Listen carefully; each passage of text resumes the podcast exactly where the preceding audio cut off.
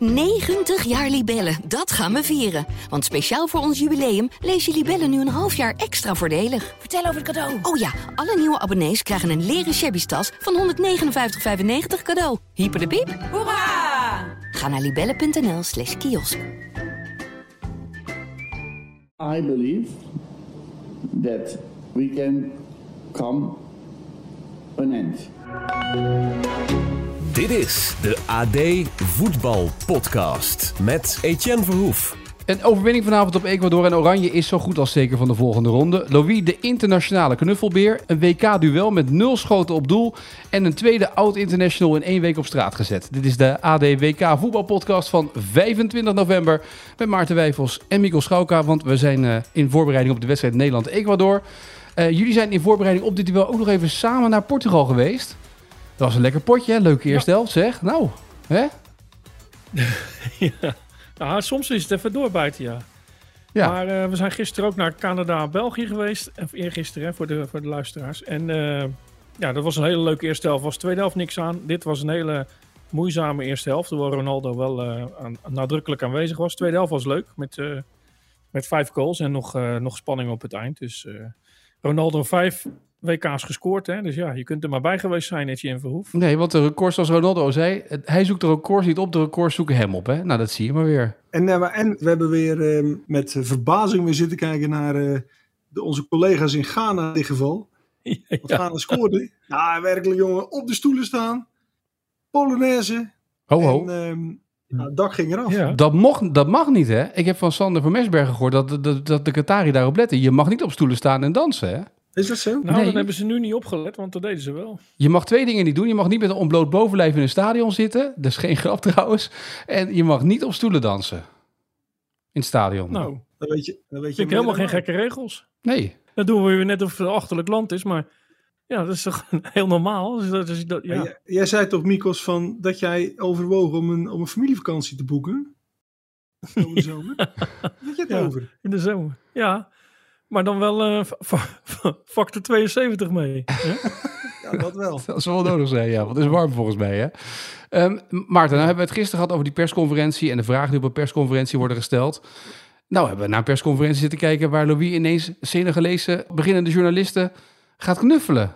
Dan vraag je er ook wel zelf ja. om een beetje andere vragen te krijgen, hè? Ja, maar, maar weet, je, weet je hoe het gegaan is? Want na de, na de persconferentie... Um, we staan allemaal op en er komt ineens een, een, een Nederlandse jongen naar ons toe...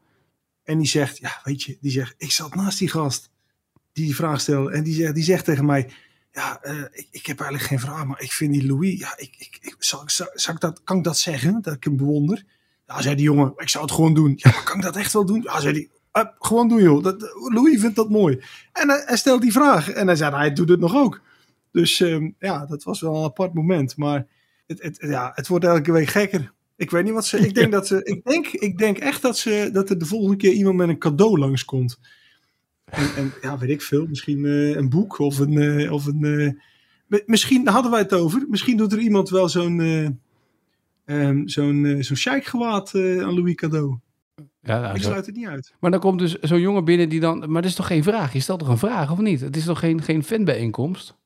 Ja, nou ja, dat, dat is het voor sommige landen wel. Dat, dat hebben we in het verleden ook wel gezien hoor. Maar ik vind het dit, dit, dit keer is het wel echt, uh, echt opvallend. Uh, zonder, enige, zonder enige terughoudendheid ook. Dat, is, dat, is, uh, dat, dat, dat heb je op andere toernooien toch ietsje minder gezien. Maar, maar hier wel. Nou, we gaan zo nog even verder praten over Oranje tegen Ecuador. Mikos, jij moet eerst even een vraag oplossen. Dat weet je aan het begin van de podcast. Het historisch feitje. De vraag van Wijfels gisteren. Ja, we hebben het over Duitsland vandaag. En um, 2018 uh, werden de Duitsers in de eerste ronde uitgeschakeld. Maar er was één speler die nog wel een geweldig doelpunt maakte. Wie was dat? Kroos. Oh, Namens de Duitsers. Kroos tegen Zweden, hè? Ja, heel goed. In de 95ste minuut. Uitstekend hoor. Heb ik nog een kleine anekdote mee. Oh. Ik was in Rusland toen en ik, zat, uh, ik, zat, ik zat in een restaurant en ik zat die wedstrijd te kijken. En toen uh, belde mijn vrouw om te vragen of het alles goed, met, alles goed met me ging. Dus ja, dus die had ik aan de telefoon. En die houdt helemaal niet van voetbal, dus die wandelt door het huis. Staat toch bij het voetbal blijkbaar op, het WK. Dus ze zegt, doelpunt Duitsland. Maar er was helemaal niet bij ons wat we op tv zagen. Dus ik zei, nee, dat meen je niet. Ja, zegt ze, een doelpunt Duitsland.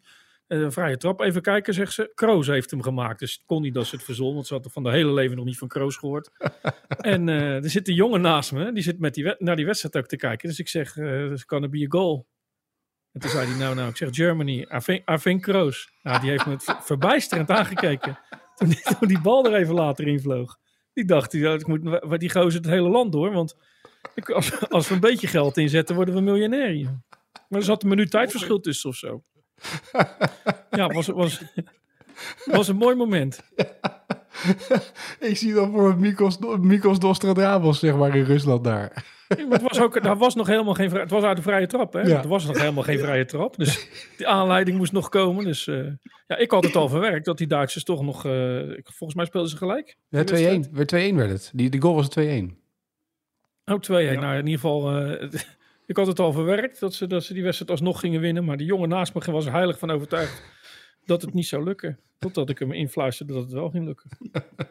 ja, schitterend. Dat was een mooie toevalligheid, Maarten, dat je dit feitje had voor vandaag. Met dit verhaal erbij. Nou.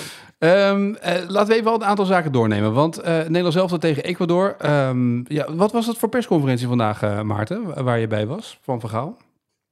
Werd je wat wijzer? Nee, Louis hield, zoals hij het zelf zei, de kaarten tegen de borst. Um, hij gaat Ecuador op geen enkele manier wijzer maken. En um, hij vertelde wel, maar, maar dan vertelt hij toch wel weer open hoe hij hoe die dingen ziet over het spel. Het leuke van deze pool is wel, en van, sowieso van het WK, het is natuurlijk een, een, een ontmoeting, of, of hoe zeg je dat, wedstrijden van uh, allerlei ploegen van verschillende continenten tegen elkaar.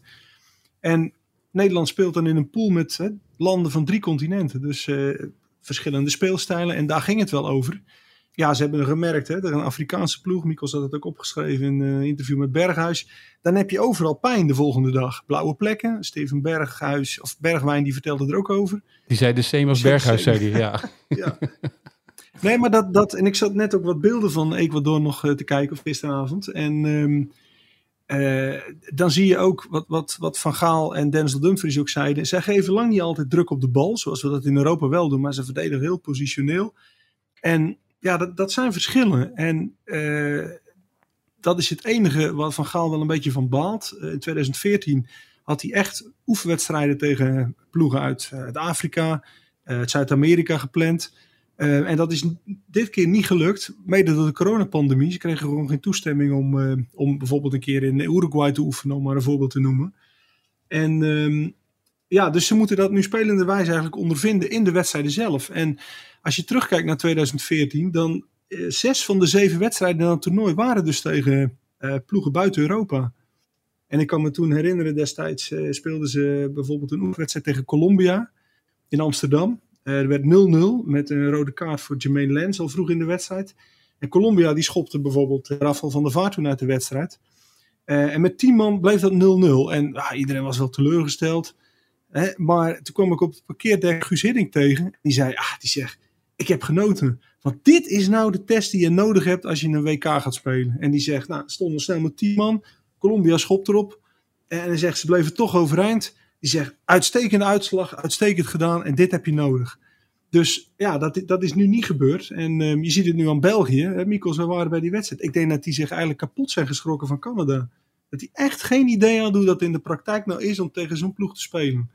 En dat zie je meer. Duitsland, Japan is toch ook een, een ja, een, een, ook wel een, ja, denk ik voor veel mensen een verrassing hoe Japan speelde. Dat zou met Ecuador ook best kunnen dat dat, uh, dat, die, dat, die, ja, dat, dat, die, dat, dat die mensen zullen verrassen omdat je, ze, omdat je ze eigenlijk niet kent. Nee. Maar is dat dan eh, bijna een wijze tip voor elke bondscoach, uh, Mikos, dat ze eigenlijk moeten gaan oefenen ook veel meer tegen landen uit andere continenten in plaats van al die Europese wedstrijden die ze toch al spelen rondom een EK?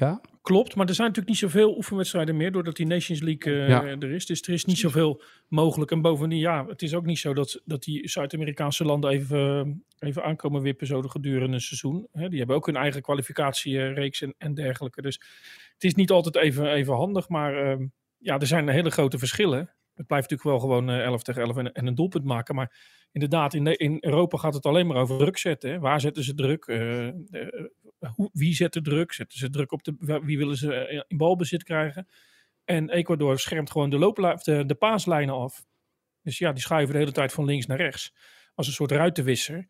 En dat zijn wij niet zo gewend. Niet dat het nou een hele andere wedstrijd is, maar het is wel even een ander aspect. Dus dat kun je wel laten zien aan spelers. Maar ik denk dat het handig is als je het één keer in de praktijk meemaakt. Want in competities komt het ook niet zo gek veel voor dat ze, dat ze zo spelen. Maar ze spelen ook tegen landen, uh, tegen spelers uit dit soort landen in de competities waar ze spelen. Dus dan zijn ze er ook wel een beetje gewend. Ja, maar individuele spelers, maar, maar geen, geen team met elkaar. Nee. En als jij een keer uh, tegen, tegen een. Uh, staan natuurlijk wel eens tegen bijvoorbeeld tegen een hele sterke speler uit Afrika. Maar, maar nu had je elf fysiek hele sterke Senegalezen tegenover je ja, dan, doet, dan doet inderdaad alles pijn. En elk duel uh, voel je dat ze, dat ze kort op je zitten. En dat, uh, ja, dat, dat, is dan toch net anders. Ja. Het was heel anders geweest, als, als Jordi Cruijff uh, daar wel had gezeten. Hij heeft er natuurlijk wel gezeten, een paar maanden. Maar ja. Dan had je natuurlijk het Europese voetbal en waarschijnlijk het, het, het, het 4-3-3 systeem tegenover je gehad. En deze, deze man hebben ze een beetje opgeduikeld omdat hij goedkoop was, hè, die Alvaro. En omdat ze het eigenlijk ook niet meer zo goed wisten. Maar Cruijff heeft daar natuurlijk uh, nooit een training geleid. Is daar wel binnengekomen. En een, toespraak van de president nog. Met de mededeling: uh, dit is de zoon van de legende en we gaan het allemaal veranderen. Toen kwam natuurlijk corona. Ja, langzaam kwam die kwalificatie dichterbij. En hij kwam maar niet uh, naar, naar, Ecuador. En toen hebben ze er maar afscheid van genomen. Die technisch directeur was inmiddels ook al vertrokken. En toen kwam deze bondscoach, die een staat van dienst van niks had eigenlijk. Hè, 60 jaar en overal een beetje moeilijk gehad. Twee Argentijnse clubs, wel topclubs getraind, maar dat ging ook niet goed. Ja, en die heeft dan allerlei oude internationals erbij gehaald die wel WK's hebben gespeeld. Die hebben die jonge jongens uh, bij zich genomen. Die hebben gezegd, ja, dit is wat je mee gaat maken straks. Dit is wat je, wat wat je, wat je toekomst kan zijn, hè? ook als voetballer straks uh, in Europa. En ja, die jongens hebben het zo uh, opgepakt, hebben de kwalificatie geweldig gedaan. En die staan nu hier. En Maarten ehm, en ik zie ze wel wat vaker, Stuart ook, want ze zitten het hotel naast ons. Klopt, jullie zitten er tegenover ongeveer, ja, daarnaast. Dus, ja, ja, ja, we zien die bus staan en die jongens lopen door de, door de lobby. Maar je ziet wel een verschil ook. Hè. We, hebben, we hebben het over verschil op het, verschil op het veld. Maar ja, Oranje is helemaal afgeschermd in een vleugel, die zie je niet. Maar deze jongens, ja, als je daar in de lobby ziet, dan, dan zie je de Estupinans en, uh, en, en de Caicedo's voorbij wandelen. En, uh, een beetje door zo'n hotel in shocken. Er zijn wat fans die af en toe een shirt laten signeren. Ze, ze, kijk, de FIFA schermt ze natuurlijk wel een beetje af. Het is niet zo dat als je uit Ecuador komt, dat je daar binnenkomt en denkt: ik ga eens in kamer 702 kijken hoe het, met, uh, hoe het met de keeper gaat. Dat is ook weer niet mogelijk. Maar ja, je ziet wel een bepaalde ontspannenheid. En, en um, ja, dat is, dat is ook. Die jongens zijn natuurlijk trots dat ze er zijn. Maar zij weten ook wel, we worden geen wereldkampioen. Misschien zit er ook wel een soort van, van kracht in. Die druk die Argentinië voelt. Die, uh, ja, noem het maar Engeland voelt, uh, Frankrijk voelt, die hebben zij natuurlijk niet. En misschien kunnen ze daar best wel uh, van profiteren. Nee, we hebben het wel over gehad nog dat uh, de Bildzeitung, die zou nu een nacht in het hotel bij ja. Ecuador gaan zitten. Hè? Zeker. Ja. Er zouden een paar dames het zwembad ingooien. Een grote kop, hè? Wij waren bij de vijand. Ja. We hebben wel gekeken of we meneertje Monsou op pad zouden sturen, maar... Maar niet gelukt. Slaap liever in zijn eigen bed, ja. die. Ja. Het is nu Johan Inan geworden, of niet? Ja. Nee. Nee, het, is, het past niet in het budget. Okay. Nacht het past niet in het budget. Maar jullie hebben het over de looplijnen die ze afschermen, of de paaslijnen die ze afschermen, de manier van verdedigen. Hoe moet je daar dan ja. doorheen komen? Wat is dan een beetje de truc, Maarten? Ja. Nou ja, maar wat, wat je wel ziet, ze, ze, ze, hebben wel, ze durven best hoog te staan met hun verdediging. Als uh, bijvoorbeeld, ik heb een wedstrijd tegen Argentinië zitten kijken. En dan, um, ja, dan gaan ze niet in hun eigen 16 uh, steeds staan. Dus er ligt wel ruimte achter de verdediging. En als jij dan, ja, jongens hebt die een steekpaas in de voet hebben. Dus Berghuis kan dat. Frenkie de Jong. Daley Blind zou het ook kunnen als die, uh, als die vanaf de zijkant uh, misschien wat ruimte zou krijgen. Um, en dan moet je zorgen dat je spelers met diepgang hebt. Dus bijvoorbeeld um, Davy Klaassen, daar hadden we het gisteren al over. Ja, dat is wel een speler die je zo'n wedstrijd wel kunt gebruiken. En, en Gakpo kan het ook. De laatste natuurlijk bij PSV tegen Arsenal was wel een mooi voorbeeld van hoe hij dat in zijn spel um, uh, krijgt. En um, ja, dat, dat zul je moeten proberen. Dus da, ja, dat zal een van de, van, de, van de wapens van Oranje moeten zijn in, uh, in deze wedstrijd. En dan, um, en dan zorgen dat je het achterin uh, ondertussen dicht houdt. En hopen dat je Memphis eigenlijk niet heel snel nodig hebt, maar dat je hem gewoon rustig kan brengen in de tweede helft. Dat je dan al voor staat. Ja, dat, dat is een beetje het idee. Hè? Dat deze poolfase moet je eigenlijk door en, en daarna moet hij klaar zijn. Dus dat, dat, daar is het op gericht. Ja. Wat zou jij doen, uh, Mikos? Met wie zou je spelen voorin nu, in, die, uh, in het begin van die wedstrijd? Memphis of niet? Ja, nee, ja, nou ja, Memphis. Ja, de, die keuze heb je natuurlijk. Hè. Hij zei, je hebt een half uur, hij heeft een half uur gespeeld, hij moet nu naar drie kwartier. Ja, dan kan je ook beginnen. Maar of, of hem in de rust inbrengen. Je zou kunnen beginnen. Dat, dat doen trainers over het algemeen niet. En, en Van Gaal doet dat ook niet. Maar dat is een keuze. Ehm, ja, kijk, Vincent Janssen heeft die diepgang niet. Nee. Dus dat is dan weer meer het aanspeelpunt. Dus ik, ik, ik weet niet of hij het dan puur over Bergwijn, uh, Maarten, Bergwijn en Gakpo heeft. Want als hij Klaas ook opstelt, dan gaat Berghuizen natuurlijk uh, af, neem ik aan. Nee, die kan op middenveld erbij hebben, geen spits ja, dan, zou het, Nee, maar dan zou Gakpo voorin kunnen spelen. Omdat inderdaad Jansen, dat is dan minder logisch. Want die is inderdaad ja. meer een aanspeelpunt. En je hebt, je hebt inderdaad meer uh, dan Gakpo, dus dat zou kunnen. En dan, en, dan, en dan is de plek dus voor bijvoorbeeld voor Klaas inderdaad op middenveld. Want hij zal ja. dan Frenkie de Jong en Berghuis, dat zal die, dat zal die, dat zal die zo laten staan. Want die heeft hij ook nodig om, om inderdaad uh, de voorwaartse te voeden, om het zo te zeggen. Het heeft ook een voordeel als je de, de, de, de paaslijnen eruit wil halen. Dat is natuurlijk bijna niet aan te lopen als het tempo omhoog gaat. Als je tegen Spanje de paaslijnen eruit wilde halen. Ja, als ja. Costa Rica, ja, dan, dan, ben je na, dan ben je het na een minuut of drie wel uh, zat. Want die pasen aan één stuk door. Ja, die spelen natuurlijk het Guardiola voetbal. Hè? En Guardiola beweegt zo weinig mogelijk met zijn spelers. De bal komt altijd naar de speler. En, en uh, ja, dus, dus in, in dat geval, als hij, als hij snelheid kan maken en goed, en goed snel tussen de linies door kan passen, dan, uh, dan komt zijn ploeg natuurlijk in problemen als, uh, als zij het op die manier willen doen. Ja, maar dat was nou ja, juist het probleem het van het Nederlands elftal op de trainingen, zei Van Gaal afgelopen week al. Dat dat nou niet zo, zo makkelijk nou, ging als het moest. Nou, dat is eigenlijk het enige kritische wat hij over zijn ploeg zegt. Want voor de rest is het eigenlijk een opsomming van voortdurend zeggen dat het een cadeautje is om met deze jongens te werken. Dat ze veel beter zijn dan in 2014. Kijk, als deze jongens met, met een gebrek aan zelfvertrouwen hier zijn uh, geland, dan neemt hij dat wel uh, bij ze weg. Ja. En als ze zo thuis tegen je praten, denk je aan het eind van de week dat je George Clooney bent. Zo, zo positief is, uh, is Louis. En dan ga je in geloven natuurlijk als speler. Mm -hmm. Dus ja, dat, dat, dat neemt hij op een bepaalde manier wel weg. Als je er mensen over 2014 hoort, dan, dan bijvoorbeeld Spanje. Dat was toen natuurlijk de wereldkampioen. Maar die zei dan echt tegen die spelers: Ja, maar ja, Spanje, ja, sorry hoor. Maar als je ziet uh, achterin bij hun, dat kan echt niet meer. Dat, dat is echt geen wereldniveau meer. Daar gaan jullie van profiteren. Dat gaat gewoon gebeuren. Ja, en nou ja, goed, dan gebeurt het ook. Dus dan, dan groeien die spelers daar wel van. Dat, dat is wel een feit. En uh, dat geldt natuurlijk ook Andries Noppert ook, hè. Daar hebben ze ook gewoon, maar daar hebben ze het ook zo gedaan. Gewoon steeds benadrukt, joh. Het is bij Herenveen ook 11 tegen 11. En uh, het, het, enige verschil is dat het veld hier beter is. Zoiets hadden ze gezegd. Ja, daar kun je van alles van vinden als speler. Of, of, maar, maar, maar ja, dat, dat, dat helpt dan toch ook wel mee op zo'n moment. Om, uh, om een beetje de spanning te breken die er natuurlijk wel is. Ja. Dus um, ik ben wel benieuwd trouwens wat als je even nog, nog toch over die andere stijlen en andere culturen. Maar, maar dat België, die moeten toch. Je zag een schitterend shot hè, van uh, Kevin de Bruyne. Die na de. België maakte 1-0. En in plaats van te juichen of opgelucht te zijn, stiefelde hij meteen naar de kant.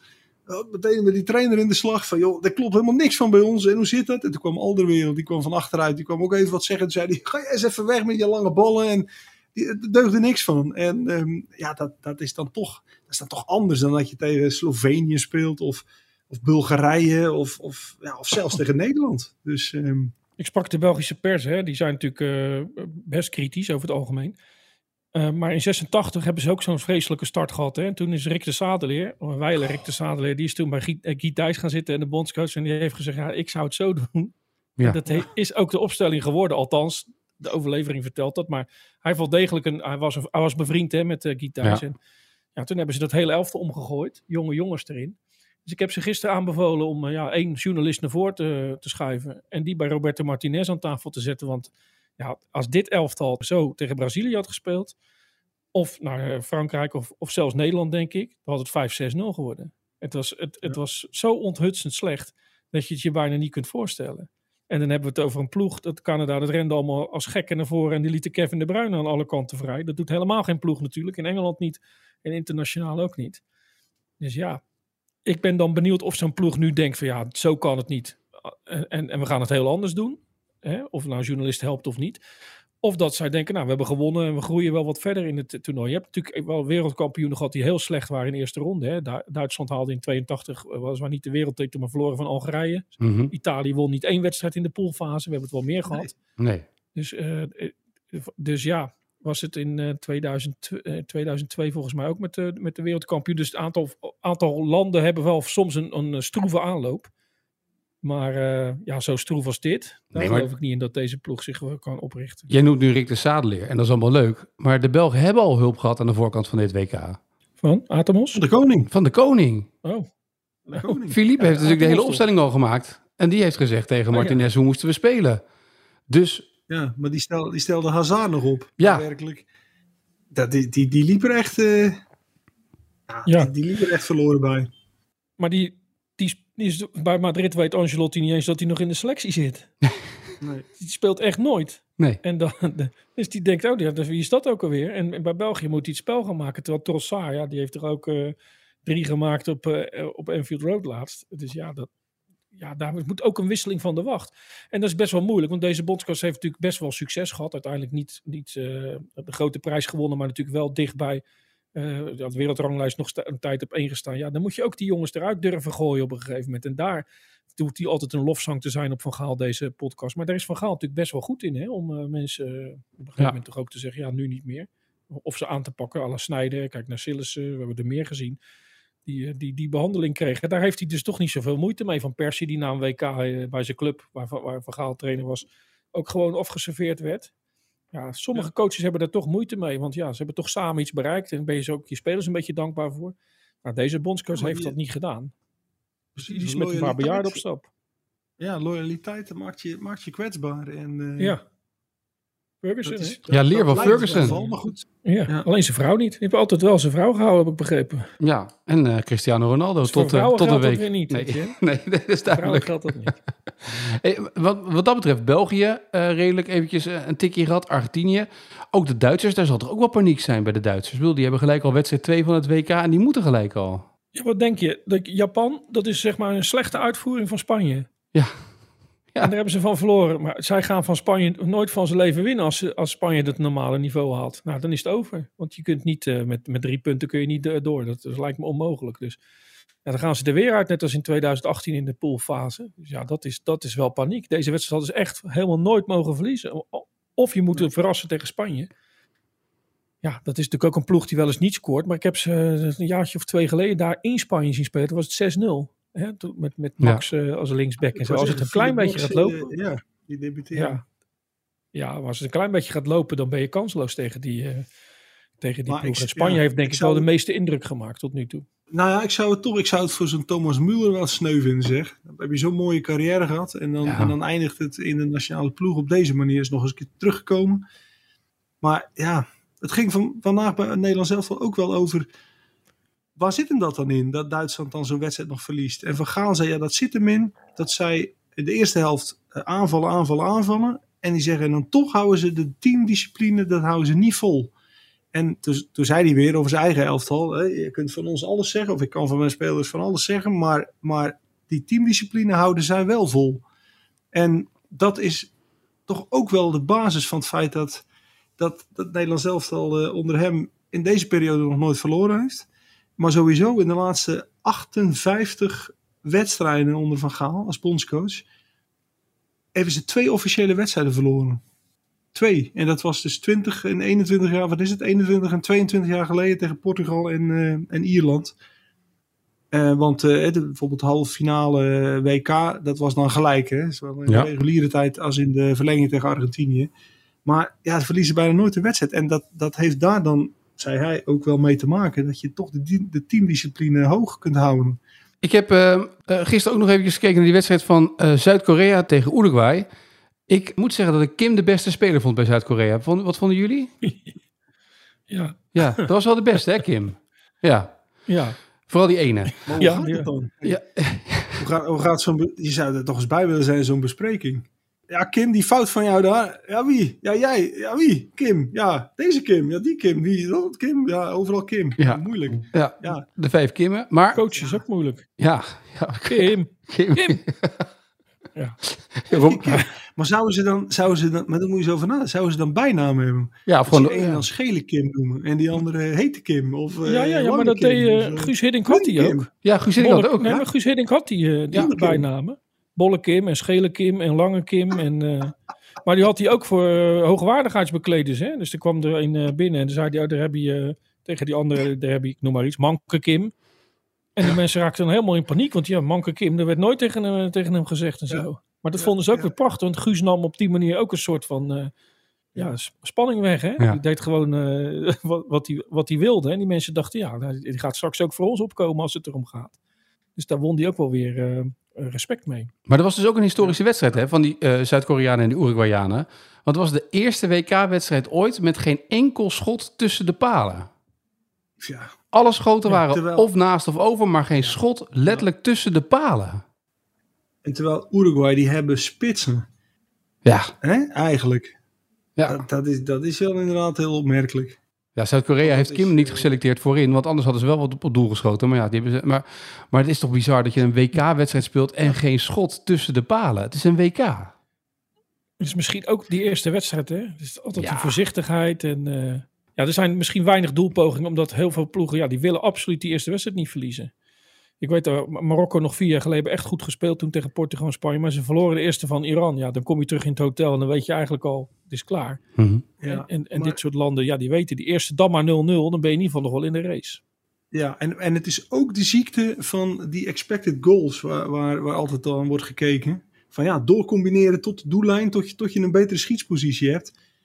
Ja, ram eens gewoon op het doel. Je moet het geluk zoeken af en toe. En nu heeft Uruguay best wel een want Suarez speelt daar ook nog mee. Nou ja, dat is wel zo'n type die dat doet hoor. Dus, maar in elk geval laat ze vooral het geluk zoeken. Dat, dat lijkt me heel verstandig. Eh, voordat we nog even uh, de voorbeschouwing, de, de, de, even de gok doen van wat gaat worden Nederland-Ecuador. Uh, even nog naar uh, de eredivisie, of tenminste naar Nederlands betaald voetbal. Twee internationals, allebei eruit. van Bronkhorst, natuurlijk bij, bij Rangers. Maar nu de volgende, Dirk Kuyt bij ADO Den Haag. 167 mooie dagen. ja, maar totaal verschillende omstandigheden. Ja. Ehm, omstandigheden in die zin. Uh, Van Bronckhorst heeft echt wat gepresteerd daar. Nou, we hebben het er volgens mij al eerder over gehad. Hè. Leidt ze gewoon naar een Europa Cup finale. En haalt de Champions League voor het eerst in tien jaar. Gewoon prima gedaan.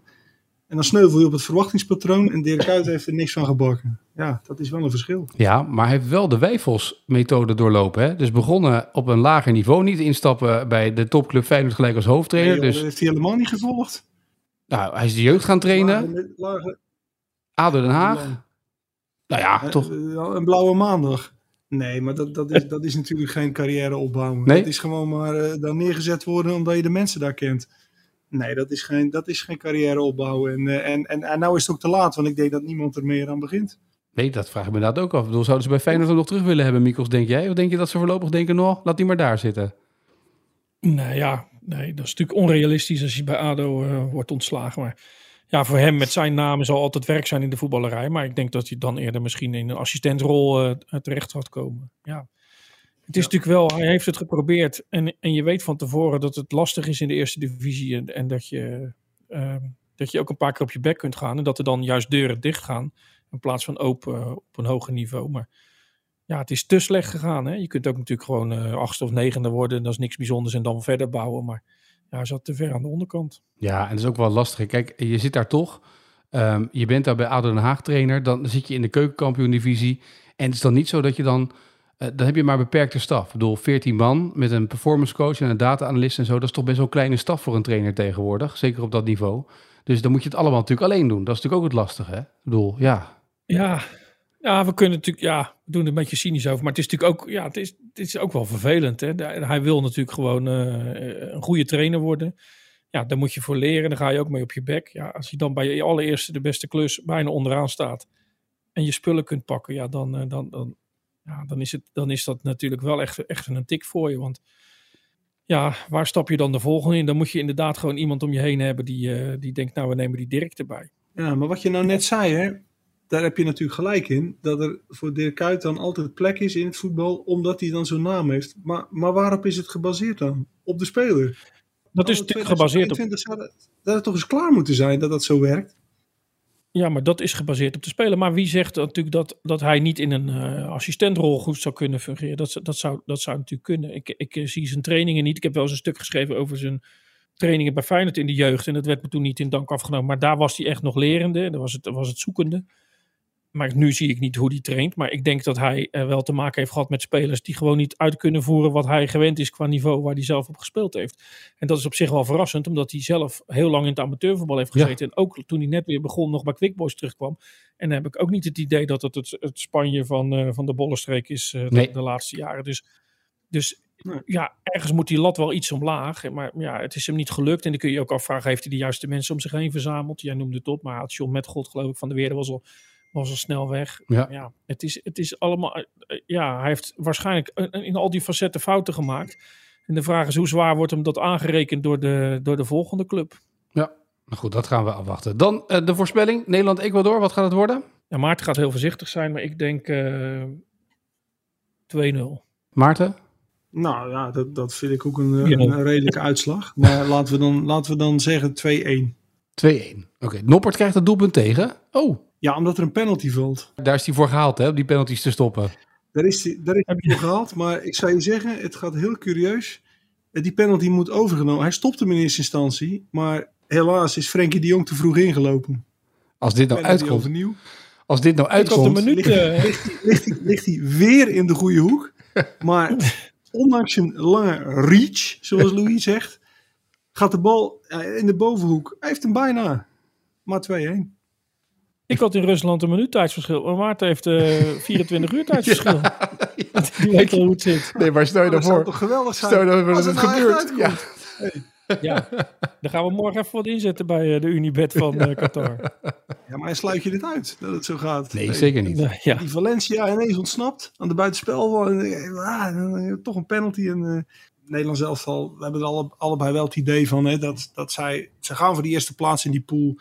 En dat moet lukken. En als je, als je wint, dan is dat ook zeker. Want Qatar, dat zal geen probleem zijn. Dus, ehm, dus het is wel een wedstrijd ja, waarin je meteen eh, de rest van het toernooi ook eh, daarna zou kunnen voorbereiden als je hem wint. Ja, dus dat, linksom of rechtsom moeten ze dat, dat maar doen. Ja, nou dan eh, bij deze is dat gezegd. Als het morgen, als het uitkomt in die wedstrijd, Maarten, dit hele verhaal, dan, eh, dan gaat Mikos die keer in Rusland bellen. Zegt ik heb er nou één, die kan het 24 uur van tevoren. ja, gaan we zitten. Ja, gaan we zitten. Mag ik nou de vraag verzinnen? Ja. Vandaag? Het historisch feitje. Ja, kom maar op. Nou, dan heb ik een historisch feitje, omdat we het over Duitsland hadden, die het wel eens in de groepsfase moeilijk hebben. Hadden ook. In 1982 was er het bedro- het bedrog van Gigon. Dan wil ik van Maarten weten, welke landen waren daarbij betrokken naast Duitsland? En wat was daar nou precies aan de hand? Oh, dat is een mooie voor morgen. Voor de luisteraars, als je het alvast Ik weet. Hij knikt al, Ik hè? zie hem al knikken, dus Ja. ja, ik, ik verras hem hier ja. ook weer niet mee. Nee, dat, hij wist het gisteren al dat je deze vraag zou gaan stellen. Ehm, dat is het voordeel. nou, Dat is een goeie. mochten de luisteraars... Ja, je bent in vorm. Oh, ja, ik Ja. ben scherp. Je bent in vorm. We, Mocht- zijn- we zijn hier nou al, al anderhalve week bezig bijna. Het Ja. is, eh, die wisselwerking, die wisselwerking dat, dat loopt wel, hè? Ja, dit gaat Ja, prima zo. Dus, ja, tussen Etienne en Nostradamus gaat, eh, gaat hartstikke goed, hè? Ja, maar dat is mooi. Ik weet, je weet nu welke vraag ik ga stellen, want een dag later geef je antwoord erop, dat scheelt. Ehm, morgen een nieuwe eh, podcast met Sjoerd. Blikken we terug op die wedstrijd van Nederland tegen Ecuador. Dan ook antwoord op die vraag van Mikos. Mocht je het antwoord ook weten, doe vooral mee met de hashtag eh @advoetbalpodcast. Doe dat even naar ons, de, hashtag ADvoetbalpodcast. En, of reageer onder de berichten die wij schrijven over deze podcast. En dan morgen het antwoord. En morgen dus hopelijk kunnen we een beetje, zoals Louise zou zeggen, juichen. Dat we bijna door zijn naar de volgende ronde van het WK. Zou toch mooi zijn, hè? Heel goed. Maarten, Mikos, dank. En tot eh, de volgende. Ja. Waarom moet ik elke week in de krant? Wat is daar voor onzin? In de ban van Rian is terug. Op 26 november en 3 december nieuwe afleveringen. Want Rian en ook Gerard Sanderink laten weer van zich horen. En hoe? Ik had in die auto kunnen zitten en ik had wel dood kunnen zijn. Rian is slecht. Alles aan Rian is slecht. Mag u me onder Ede en u krijgt mijn hele vermogen als ik hier sta te liegen. En hun advocaten, die gaan daar helemaal in mee. En dat is niet zonder risico. Hier zijn ook fikse maatregelen opgelegd. Waarbij je echt moet uitkijken dat je niet weer een keer in de fout gaat. Ik onderzoek waarom advocaten en een handjevol vertrouwelingen nog altijd voor Rian door het vuur gaan. En daar is niet iedereen blij mee. Met Angelique. hey, je belde, je hebt nieuws. Eh, ja, ik kreeg net een eh, mail van de advocaat. Ik geloof dat ze weer aangifte tegen me gaan doen. In de ban van Rian. Vanaf 26 november weer in je podcast-app.